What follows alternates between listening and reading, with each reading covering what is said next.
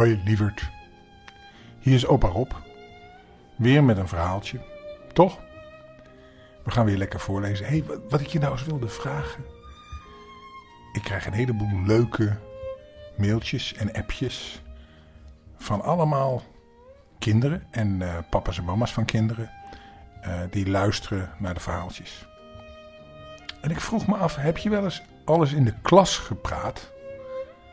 Over de verhaaltjes van opa Rob? Want het is natuurlijk hartstikke leuk als alle kinderen uit jouw klas meeluisteren in dit verhaaltje. Want dan kan je het in het kringgesprek de volgende dag gewoon even doorpraten. Misschien moet je bij het volgende kringgesprek wat je hebt, is vertellen over opa Rob. Want uiteindelijk, ik ben je voorleesopa. En iedereen, al je vriendjes mogen dat toch weten. Maar misschien willen die ook wel een voorleesopera, opa, toch? Gaan we doen, hè? Nu gaan we eerst een verhaaltje voorlezen. En we gaan weer van Dick Trom. We hebben nu twee keer een sprookje gehad. Maar nu willen we toch weer Dick Trom. En ik kwam op het verhaaltje van de klas. Omdat Dick in verhaaltje 8, wat we nu gaan lezen, het heeft over de juf. En het gaat dan dus over Dick en de juf. Het was voor de moeder van Dick, Griet Trom, een lastig geval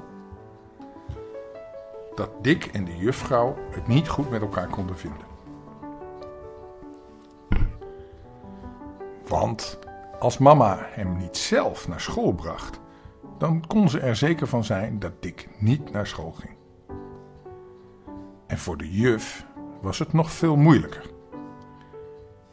Want Dick, vond zij althans, leerde volstrekt niks. Hij verscheurde zijn boeken voordat hij ze kon lezen en maakte ieder stuk lei, weet je wel, dat is dat, uh, uh, dat, dat stukje lei, een soort bordje waar ze op schrijven.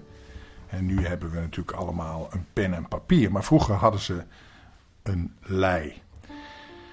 En een griffel om op te schrijven. Kortom, Dick Trom deed niets dan kattenkwaad uithalen. En dat was voor de juf een voortdurende bron van verdriet. Zijn buurman, buurjongen, die heette Bruin Boon, viel haar ook volstrekt niet in de smaak. Wat hij dan ook liet blijken door hem veel te slaan en te stompen en te knijpen. Bruin was ook geen aardige jongen, want hij was niet eerlijk. Hij sprak nooit de waarheid en hij was vals. En ten vierde, hij was nog laf ook. Hoewel hij altijd zei dat hij zo dapper was. Maar voor al deze ondeugden had Dick er geen een. Althans, dat vond hij zelf. Dick zou zich nooit iets toe-eigenen wat van een ander was. En hij sprak altijd de waarheid. En tenslotte, hij was nooit bang. En hij zou nooit bluffen. En dat deed hij bruin dus altijd wel. In één woord, Dick was ondeugend, maar een flinke jongen. Toen Dick ongeveer drie jaar naar school gegaan, wist hij nog even weinig als toen hij er voor het eerst heen ging. Alleen in het bedrijven van kattenkwaad was hij echt veel slimmer en knapper geworden. En ook handiger. Zodat hem op het laatst bijna niets meer kon overkomen. Altijd, hè, want hij had natuurlijk altijd de schuld van alles. Hij kreeg de schuld van juf van alles wat er gedaan was. Wie de naam heeft, zeggen ze, krijgt ook de daad.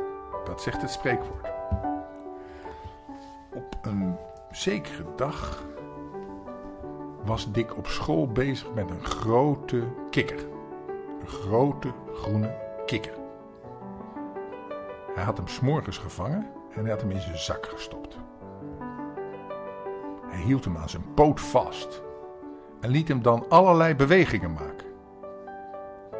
Dat vond die bruin boon wel heel leuk. Maar die was er ook bang van.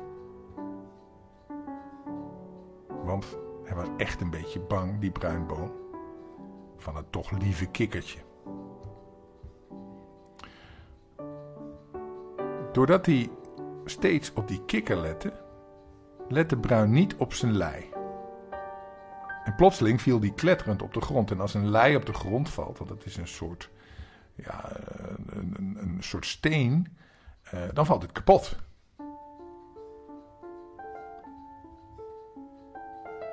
Dus Dick stak de kikvors, dat is de kikker, snel in zijn zak toen de juffrouw kwam, die, toen die lei gevallen was. En hij zat dapper te werk. Bruinbo, valt jouw lei daar met zoveel lawaai op de grond?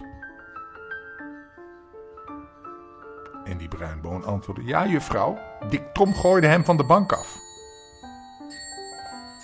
Dat is niet waar, riep Dick. Het is wel, juffrouw, hij deed het wel. En hij heeft ook een kikker in zijn zak, riep Bruin weer.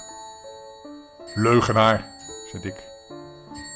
Het is wel juffrouw. Of juf. Wat moet ik nu weer horen, zei de juf. Ben je weer bezig? Eerst een lei van de bank gooien en dan nog jokken ook? Foei, je moest je schamen. En bovendien een kikker in je zak. Je weet wel dat zulke beesten niet op school horen. Laat zien dat beest. Juf, ik heb die lei niet op de grond laten vallen. Bruin deed het zelf, want hij zat te spelen. is niet waar, juffrouw. Dick duwde hem van de bank en toen viel die. Zo, Dick, jok nu maar niet langer. Ik hoor het al.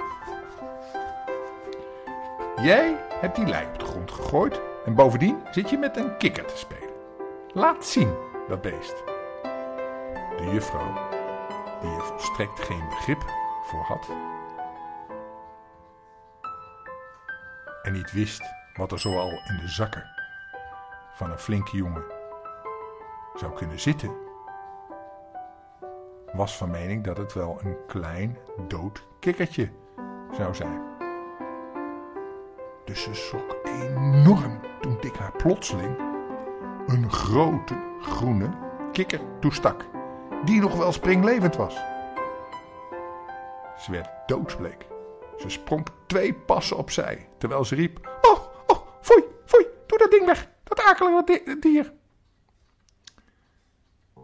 Dick moest er een beetje om lachen. Hij had een beetje leedvermaak. Want de juf was doodsbang voor het beestje. En daarom gaf hij het beestje onmiddellijk de vrijheid. Waarvan de kikker gebruik maakte door met grote sprongen regelrecht op de juffrouw af te wippen. De juffrouw sprong radeloos in het rond en ging eindelijk op de vlucht. In de algemene verwarring gaf Dick eerst zijn buurman een pak slaag. Zoals hij nog maar zelden van een kameraad gehad had. Lelijke bruine boom, beet hij hem toe. Dat klikken zal ik je later nog wel eens betaald zetten. Intussen was de juffrouw wat van de schrik bekomen. En ze herstelde de orde. Ze liet de kikker pakken en naar buiten brengen. En Dikje moest voor straf in het portaal staan. Dat vond hij niet zo erg, want de boosheid van de juf liet hem helemaal onverschillig. Hij hield toch niet van haar.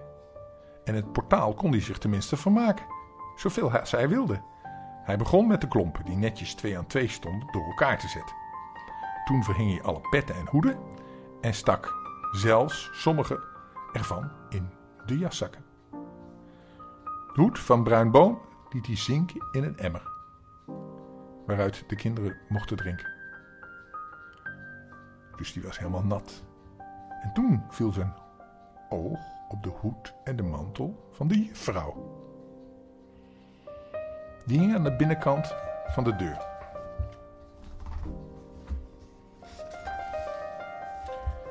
Aan de kapstok. Vlug maakte hij zich er meester van, zette de hoed op, die hem natuurlijk veel te klein was, en trok de mantel, die hem nog meer te groot was, Zo uitgedost wandelde hij deftig over het schoolplein heen en weer. De mooie mantel van de juf, dus dat is de jas van de juf, sleepte over de grond en werd dus door de regen en de plassen nat en vies. Hij vermaakte zich kostelijk. Misschien zou hij wel nog ook van het schoolplein af het dorp ingewandeld zijn, als de juf niet toevallig door het raam gekeken had en de kleine deugd niet opgemerkt had. Ze stoof naar buiten, trok hem aan zijn arm de school binnen, waar alle andere kinderen heel veel pret hadden over Dick's nieuwe uitdossing. He, de jas van de juf en de hoed. Oh, wat was de juf boos. Wel, jou brutale, kwaaie jongen. Trek uit. Gauw wat. Hoe durf je mijn kleren aan te trekken? Trek uit, zeg ik. Of... Dick begon met een vergenoegd gezicht te doen wat de juffrouw, bevend van woede, van hem vroeg. Wat? Ze gaf hem de opdracht. Maar in haar verbolgenheid trok zij aan een mouw van de mantel om te helpen. Maar dat deed ze zo driftig dat de mouw scheurde. En daardoor werd ze nog bozer. Eindelijk stond Dick doodkalm en bedaard weer in zijn gewone plunje voor haar. Voort, ga de school uit. En je kunt vandaag wel wegblijven ook. Je mag niet meer binnenkomen, begrepen? Ja, juffrouw, maar Bruin heeft gejokt. Dick trok zijn klompen uit en ging naar huis. Een poosje later sloeg de dorpsklok twaalf uur en ging de school uit.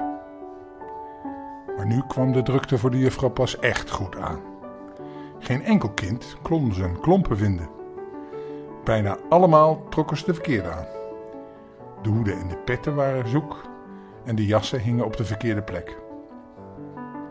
Juf, mijn klompen zijn weg. Juf, ik zie mijn jas niet. Juf, ik kan mijn mantel niet vinden. Het was een tieren en schreeuwen.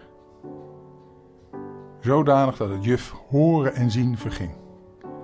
En wat nog het ergste was, ze wist zich volstrekt geen raad hoe ze nou aan deze verwarring een einde zou moeten maken. Hier heb ik mijn jas, zei Jan Vos. Hij hing op de verkeerde plaats. Jij hebt mijn klompen aan, riep Bruinboon. Zie je mijn hoed nergens? Dat heeft die nare dik gedaan, zuchtte de juffrouw. Kinderen, riep ze met luide stem, allemaal weer naar binnen. En de kinderen gehoorzaamden. Ziezo, nu één voor één naar buiten. Jan Vos, jij eerst. Ik ben klaar, juffrouw. Goed, nu jij, Bruin Boon. Bruin ging. Zijn klompen en zijn jas vond hij al spoedig. Maar hoe hij, hoe hij zocht, zijn hoed was nergens te zien. Juffrouw, mijn hoed is weg. Nu, dan moet je maar zoeken, tot je hem gevonden hebt. Nu jij. Jansje sloot. Zo ging de hele klas één voor één naar buiten. Na lang zoeken vond iedereen het zijne behalve Bruin Boon. Huilend keek hij overal rond waar zijn hoed nou te vinden zou zijn, maar hij kon hem nergens vinden. Eindelijk zag de juffrouw de wateremmer staan. En dadelijk vermoedde zij dat daar de verloren hoed in wel, wel in zou zitten. En kijk, bruin. Kijk eens in die emmer. Is daar je hoed niet? Bruin keek. En jawel, daar was zijn hoofddeksel. Hij lag te weken in het water. Bruintje viste hem op. Maar hij had niet veel zin om dat natte voorwerp op zijn hoofd te zetten. Dus was hij verplicht om blootshoofd naar huis te gaan. De juffrouw zag hem met genoegen vertrekken. Goddank, Eindelijk, zuchtte ze. Ze kleedde zich haastig aan en vertrok. Onderweg kwam ze Dick's vader tegen en ze besloot hem eens goed te vertellen hoe ondeugend zijn zoontje was. Tromp, ik wil u wel eens eventjes spreken. Zo, juffrouw. Nou, dat kan, ziet u. En dat doet het. Ja, Trom, het spijt me wel dat ik het zeggen moet. Maar ik heb zo vreselijk veel last van uw jongen, dat het meer dan nodig is hem eens voorbeeldig te straffen. Vanmorgen heb ik hem naar huis moeten sturen. Zo, juffrouw, dat is erg. Ziet u, dat is het. Ja, het is heel erg. Eerst jokt hij me voor. Daarna gooit hij me een grote groene kikker bijna in het gezicht, zodat de schrik me nog in de benen zit. En eindelijk werpt hij al de kleren van de kinderen nog door elkaar. En hij loopt met mijn mantel en mijn hoed op over het schoolplein. Zo brutaal heb ik het nog nooit gezien. En het wordt hoog tijd dat u eens flink onder handen neemt. Trom keek de juf verlegen en verbaasd aan. En toen hij stal, aanstalten maakte om weg te gaan en zijn weg te vervolgen, zei hij: Ja, juf, het is een bijzonder kind. En dat is hij.